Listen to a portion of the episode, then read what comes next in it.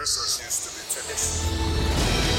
Some of the best speakers in the world. The purpose of business is not to maximize shareholder value. Whoever told you that, shoot them. It brings together so many people and creates this high energy environment. Powerful speakers, powerful audience. So, welcome to this special podcast recording where we are talking to two experts, and I'm being more the kind of reluctant uh, historian asking questions. So, whether there is a kind of uh, way to describe artificial artificial intelligence or AI and how to do it on a management or leadership way. So, welcome, Anssi Rantanen. Thank you so much. It's great to have you here. Pleasure to be here. I listened to your speech in, in Helsinki in 2019. It was quite impressive. And I've understood that you're kind of going into this field of expertise, being a keynote speaker, traveling around the world and talking about uh, AI. Yeah, that's, that's something of what I do for sure. I'm, I'm a keen sort of explorer of new technologies and it's something that is, you know, tickled my curiosity since my dad brought home a Nokia phone in the 90s. So um, yeah, it's it's an always evolving field and um, super fascinating to great. try to understand it more. And great to have you here, and uh, looking forward to listen to your speech tomorrow. Uh, and we have Stian Ellingsen, uh, amplifier lead, technology and transformative at Ernst Young and EY. Welcome, Stian. Thank you very much. A few words about yourself. So I've been working with uh, innovation the last couple of years, particularly in uh, the starting area of uh, of it from startups, and from that, sort of going into generative AI was a natural progression. Right, that's the leading edge innovation right now, and corporate can take a big role. So that's why I'm here to discuss how we can, as a corporate, help everybody uh, use this technology. And it's a big corporation as well. That's true. 360,000 employees globally. Uh, we have member firms across the world. And uh, here in Norway, we're part of a Nordic organization. So cross-border collaboration is strong enough exciting. Uh, although I have to warn you guys that I would like to drill a little bit into smaller organization, family offices, and people that are thriving with us on a daily basis. But we'll come back to that. So, Anssi, can you can you kind of explain to me how business leaders should navigate in all this fuss about generative AI, how do you approach that? How business leaders should navigate. I mean, this could be a, a you know 60 minute keynote in itself, and uh, you know we, we don't have that time right now. But if I would if I would summarize it, um, there is a lot of short-term benefits that can be derived just by leveraging these tools. Um, I mean, there's a lot of really interesting case studies from many different industries where, you know, tools allow teams to increase their productivity by 10%, 50%, 100%. For example, GitHub Copilot uh, did a study recently where they gave developers uh, the GitHub Copilot and their productivity increased by 126%. So it over 2x their output in a given time. Although you can't trust it really, can you? You can have it there as a Copilot, although you wouldn't yeah, yeah. yeah. So, so, I mean, so what, what I would what I would say, just generally on a high level, is that you know these technologies still do you have a tendency to what is called hallucinate. Mm-hmm. But, but I think there is um, there's a good saying from from the U.S. military that you should trust but verify right? Mm. So, so mm. basically you should trust your assistant or you should trust, you know, your team members, but you should also verify the, the quality of the work, etc. So you can't trust them blindly, right? Of course, you need to double check. And, um, but when it comes to software development, for example, I mean, usually companies test a lot before they put anything out live. They so if yeah. GitHub Copilot makes a mistake, then they'll catch that before it goes out live. But um, but still, with that caveat, you know, two x productivity improvement is pretty significant. Mm-hmm. And, and if I can add to that, is I, in any corporation, you always have graduates or interns coming in. You can never trust them hundred percent. You have to give them clear instructions of what they should do, and even if they do uh, do the work to the letter, you still have to quality assure the output. Uh, and if I can quote Kent Beck, who is closely like to, to the rock star you have within programming, uh, he uh, on uh, X, uh, previous Twitter, said that uh, he was reluctant to use ChatGPT for his coding work. But when he did it, he had two realizations. One, that 90% of his skill is now valued at zero.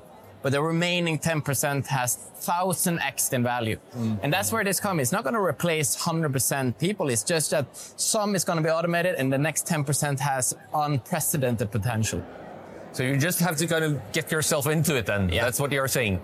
Well, that's what that's what I would argue. I mean, yeah, I mean, there's of course a lot of things that should be taken into account in sort of rolling this out and experimenting. I mean, data privacy incredibly important. Just this spring, a couple of Samsung employees were fired because they uploaded proprietary strategy documents for ChatGPT to be summarized, which now lives on the servers of OpenAI, which is a Samsung competitor. So of course, there's a lot of things that do need to be taken into account. But like, yeah, long story short, my, my simple recommendation would be just to, to to really start playing around and, you know, find a task force within the organization of the sort of innovators, early adopters to, to really find the, the levers where these technologies can be used within your organization. Mm.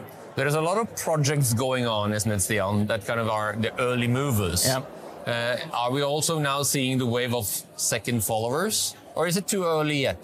So um, we did actually a survey here for the CEO network of Oslo Business Forum, where we asked them how many of them have used or started using generative AI beyond individual use, and 40% said they already use it. And how often have you experienced a technology that is less than 12 months old when it comes to public availability that has such an adoption rate? Yeah, it's insane. All right, yeah. and, and, what we see is, of course, right now the first uh, functional processes or business areas where it uses the client-facing one, running marketing communication communication, customer support, yeah. sales. But what we see that the next wave is coming is the internal functions, which like legal, reporting, etc.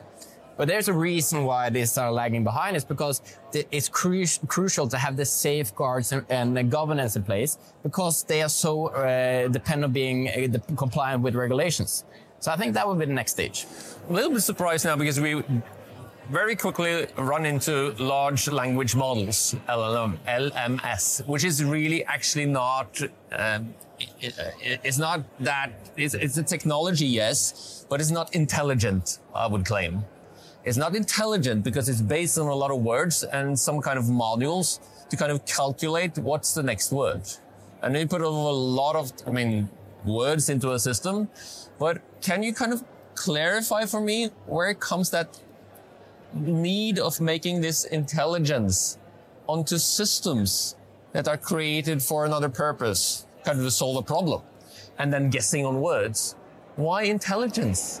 What well, is that? I think maybe, if I can say, maybe we're using the wrong word here. Like today, I heard at the Impage stage a very good uh, um, definition is that it's not providing organization with intelligence, but organization with efficiencies. Mm. So it's just that we're using the word intelligence and saying that's the same as doing things quicker at a more higher pace with more quality. Mm. But intelligence is so much more. Mm. You agree? Yeah, well, I mean, I personally there's a lot of different definitions of intelligence, mm-hmm. and I'm personally, I, I, think it's like irrelevant to argue whether this fits the definition or not. What I'm really interested in is what can these things do and what are they good at. Mm. So if we think about, um, you know, Microsoft's Copilot, which is coming out pretty soon, um, is it intelligent that it can summarize, you know, all the documents that have been sort of created in your company? Is it intelligent that it can search? I don't really care, but it's pretty amazing that it can do that. Exactly. Like it's super fantastic that it can do that. And, and these large language models, even though they're just predicting the next word or the next token, there are a lot of very interesting emergent behaviors that come out of them. For example, there are world-class sentiment analysis algorithms, which we didn't really expect. They're fantastic at documentation. They're fantastic at translation, um, et cetera, et cetera, and the list goes on. So, so there's a lot of really, really interesting again, for me, the more, more interesting part is what can they do if someone wants to argue whether they're intelligent or not, mm. you know, be my guest. But but I think again, there's a ton of efficiencies that that you highlighted here before that can be derived from these, and um, yeah, Thank you. I, personally a comment. I would love Microsoft to pay more attention to their support system because I'm in a big kind of dilemma my, because I upgraded my Microsoft account and I'm not able to log into Teams anymore. Uh, and yeah, I'm not yeah. able to reach out to the support because it's a chatbot yeah. from hell. Uh, and all the kind of great stuff is probably going on inside the more technology, more advanced stuff. And I fear for a little bit there because we are, have a tendency to look at efficiency as a goal in itself. And I have to really ask you guys, Yeah. is it? Is it really? For whom's self-interest? Is it to achieve efficiency? Yeah. So that can take care of us as humans? Really? I mean, we need to discuss this as well. Yeah. So this is going to be a big takeaway from my point tomorrow, uh, from my talk tomorrow, that, um, you know, generative AI isn't going to help your salespeople become world-class salespeople. It's not going to help your marketeers become world-class marketeers. It's not going to help your leaders become fantastic leaders. So another quick fix. So it's, well, again, like short term, there's a lot of progress that these tools can help make. But, but I don't, I, I think that if we think about what is the role of a business, like what is the business supposed to do? It's supposed to add value to a certain customer segment and hopefully make their lives better and make their lives, you know, more enjoyable. And, and I think that, whenever organizations talk about technology adoption or, you know, AI transformation or whatever it is, I think we often like forget why are we doing what we're doing? Like what is the reason of our company's existence? And we just focus again on the short-term efficiencies. Like, yes, the efficiencies are great, but let's not forget why we're doing what we're doing, right? And I think um, there's a great quote from um, um, Jeff Bezos about this, and we can, you know, argue whether he's a good guy or a bad guy. But anyways, like he said that from his point of view, the most interesting question about the future is what is not going to change. And Amazon's answer to that question is that people are always going to want faster shipping and people are always going to want cheaper products. So they're optimizing everything at Amazon around that. And technology can help them achieve that. But again, they're focusing on the value that is being created to the end customer. Like that is their sort of strategy. And their shareholders. And their shareholders, of course. Yeah, yeah, yeah. I But would wonder to have Jeff Bezos and talked about that without no one recording what he said. And that would be another discussion. Yeah, But see, on, Maybe. on, on your 40% of your kind of projects that you've been covering that are ongoing on some kind of, I would, I would guess that there are projects not kind of into the core of their business model. Do you, what do you know about them? If you can rephrase that question a bit more. You, you told me that from the CEO survey. 40% of Yeah. the respondents are, are using it beyond individual use. on some Yeah. kind of level in the organization. Is it aligned with the, the business, the reason to operate, or the purpose, or something like that? We don't- or we don't know, maybe. Uh, I think we're still at the early stages where Yeah. people are experimenting, and what we see, and also uh, another uh, result from our survey is that only for, from uh, Oslo Business Forum CEO Network, 22, no, 25 percent of the response are, have a strategic framework in place. That means that many of them are still operating, maybe just from an operational perspective. How can we get efficiency gains? but not uh, linking it to the overall strategy of the enterprise. And that sort of is well and good if you're going to go out in the wood and just want to get some fresh air. But if you want to get to your destination, it's nice to know the route you're planning to go. so how do we do that? So in, in uh, EY, we have, say, uh, we call them uh, the five pathways. Of course, any competency house and consultant firm need to have some advice. And for us, it's the first and foremost, which we touched into. You have to get the foundation in place, right? You need to have the safeguards for these stupid uses that uh, you mentioned with Samsung. You need to uh, enable a sandbox environment or safe space for the employees to uh, use the technology. And you have to bring awareness. Because there's many people who think that generative AI is a magical one. It can solve everything. But it's like sometimes generative AI, uh, it should not do what the traditional machine learning algorithm should do, or even something that a traditional ERP system should. The second, of course, is to get this strategy in place, understand your position in your environment, understand what your competitors are doing, but also what are the customers expecting you to do. If everybody else is using a chatbot that answer question 24-7, 365, but you respond to email once every second week, you're going to lose out.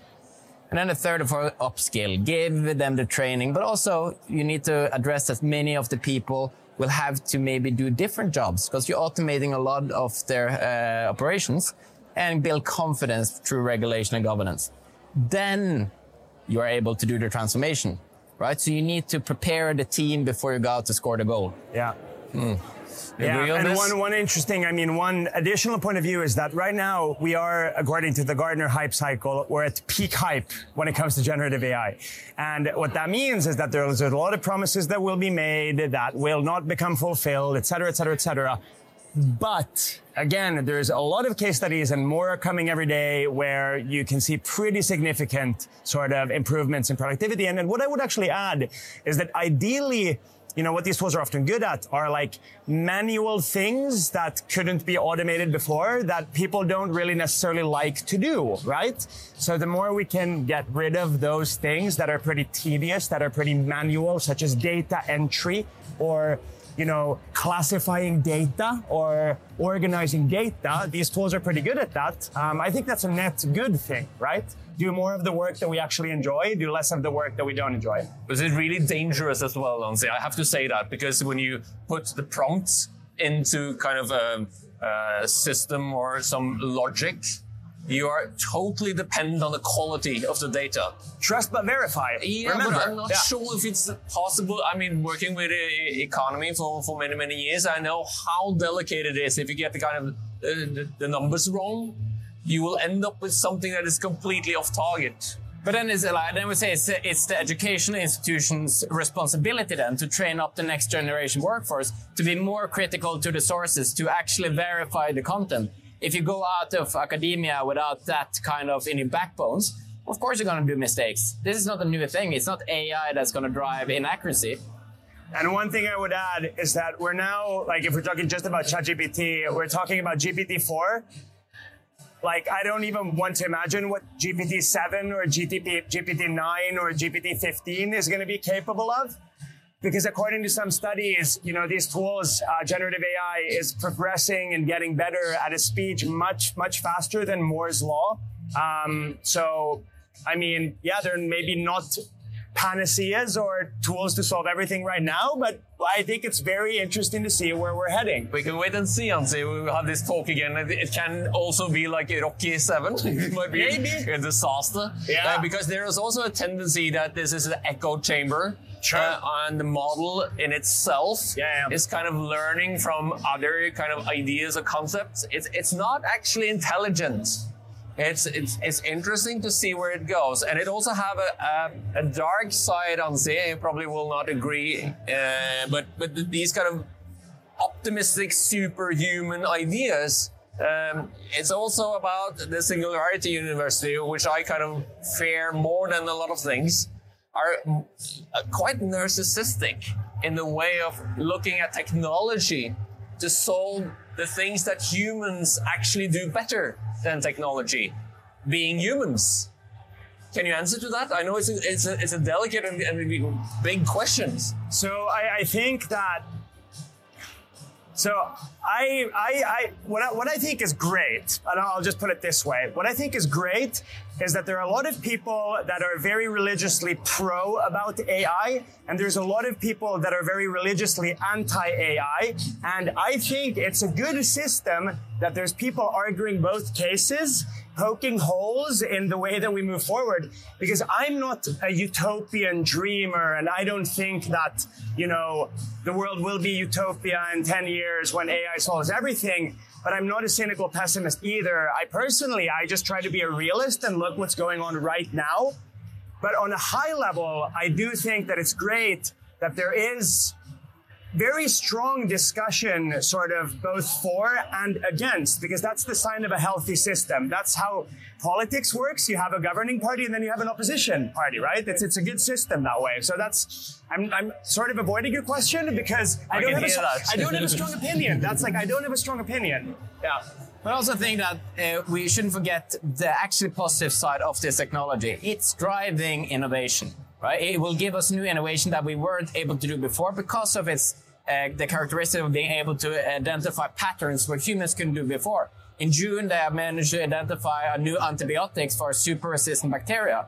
Uh, they used it in Norway for identifying a, a case of breast cancer, and, and 20% of the cases they identified earlier, so they can do uh, procedures without complications. There's a lot of potential, but of course, there's a lot of risks. That's why we need to have the safeguards in place. We need to bring confidence by uh, uh, taking away the ignorance and uncertainty through knowledge and awareness. And to do that, we need to learn how these systems work. Yeah. don't we? Yeah. And, and by the way, there's a very interesting data point. The study came out recently that um, the, the more wealthy the country is from a GDP per capita point of view, the less optimistic they are about AI which means that you know companies that that have or, countries that have low GDP per capita they're more optimistic about AI because they're seeing it as almost a leveler, you know, in this sort of economic playing field that we're playing in. Like in richer countries, people are afraid that it's going to take our white collar jobs and we're going to be you know displaced by AI, etc. But I, I think this is an interesting data point, right? I think it's a very interesting data point,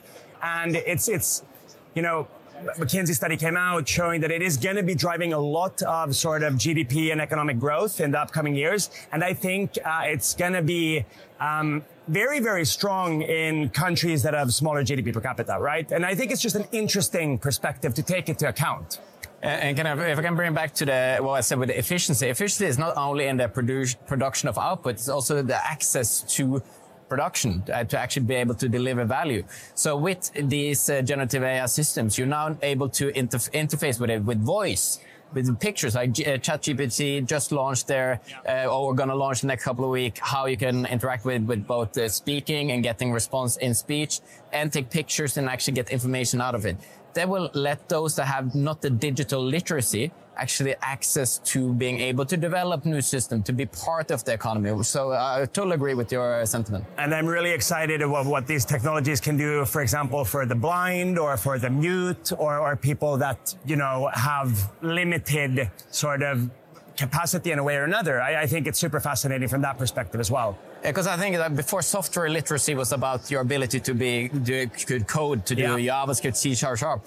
And now the uh, literacy, AI literacy, is more can you speak your language? Can you produce your thought in a comprehensive, reasonable manner as a question, and do you understand the response to your question? Then you can actually be part of this uh, this development. I'm sitting here smiling because I know that this will take a lot of resources and time in smaller businesses to kind of even just cope with and understand. Have you have you any advice on where to start if you're not working at the EY or Google or a, a big company with a lot of resources? Uh, yeah. with the obvious, of course, trying to start up with some project or pay attention to what your uh, competitors or others are doing.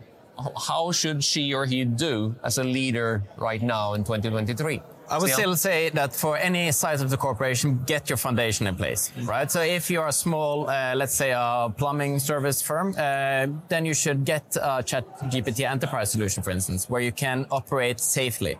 And then you should put in some guidelines. Like I can say to people, okay, don't put everything we do on here. Don't take everything you say for granted but use it to officiate what the administrative work that you normally don't like to do.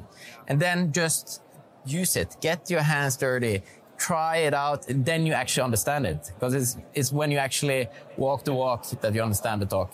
Yeah, what I, what I would do if you're a leader at an organization, 20, 30, 40 people's, you know, find the one or two or three people in your company that are most excited about this. Give them, you know, the mandate to 10% or 20% of their time. Think about this. Think about how you could be adopting it, how, what you should be experimenting with. Um, because no doubt there will be, you know, if you're a 50 person organization, there's going to be, you know, between three and 10 people in your org that are going to be like innovators and early adopters that are really excited about new technologies. Uh, find them, give them the mandate to think about it, to experiment, to figure it out, to report to the board, to report to the management team.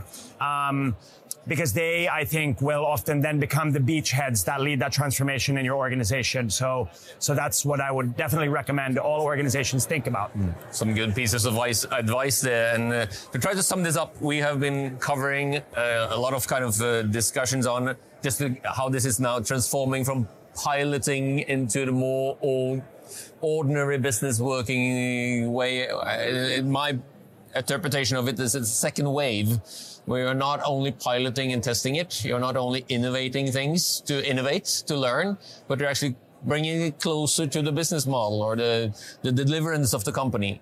Uh, is there a, is there uh, an example or some evidence that we should look to uh, that you have in kind of in your sleeve that you can just why this will work, I believe, is first and foremost how it can enable interaction across culture, right? Uh, if you look at the HR space, we've seen a lot of big uh, international corporations that have uh, uh subsidiaries in uh, South America when they operate out of Europe and having difficulty communicating across the borders. With these tools, you can actually get that language barrier reduced. You can get the sentiment across and you're able to actually bring the, uh, your organization together. You manage to capture the synergies.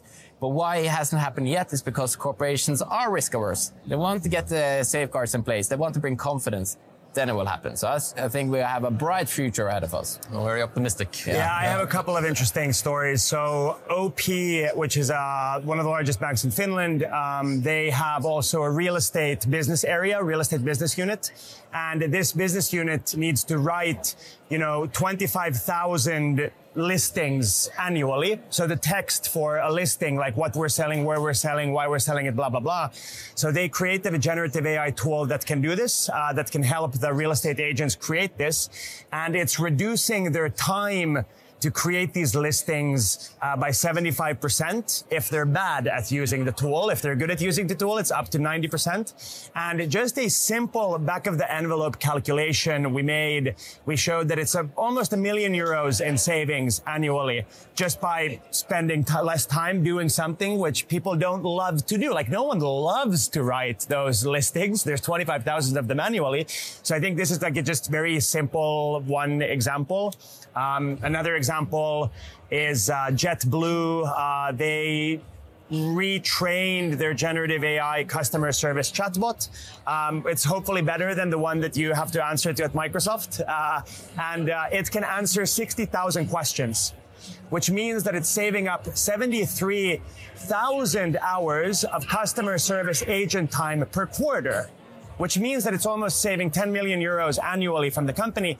And the customer service agents can spend more time with the trickier cases, the trickier customers, right? Because they're not in such a rush to fend off every single Q&A, right? So these are very practical, concrete examples, but I think they somewhat show the power. Uh, and again, these technologies, these examples that I mentioned, like they're implementable today you know? And that's what I'm interested in. Like, what can we do today, right? So, yeah. Yeah, and if I can add to fun, it's the question how can this be used to tackle our biggest challenges, which is, for instance, uh, sustainability? How do we actually get the green transition? How can we use this to help us report the right information and label the correct data so we know if we're actually doing the right things? And the second is the healthcare crisis that we see uh, happening in Europe where we don't have the resources to tackle the future needs. Can we use this to help us become more efficient with every health dollar so we can give the help we need?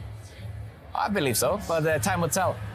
Well, I I have to admit that this was really, really interesting to listen to and talk to you guys, Anssi Rantanen and Stian Ellingsen. And uh, for all of you listening, think about that. Trust but verify. We will. We should always do that anyway. Exactly. With humans and software. So, so thank you very much and enjoy the rest of your day. Thank Some so of the best speakers in the world. The purpose of business is not to maximize shareholder value.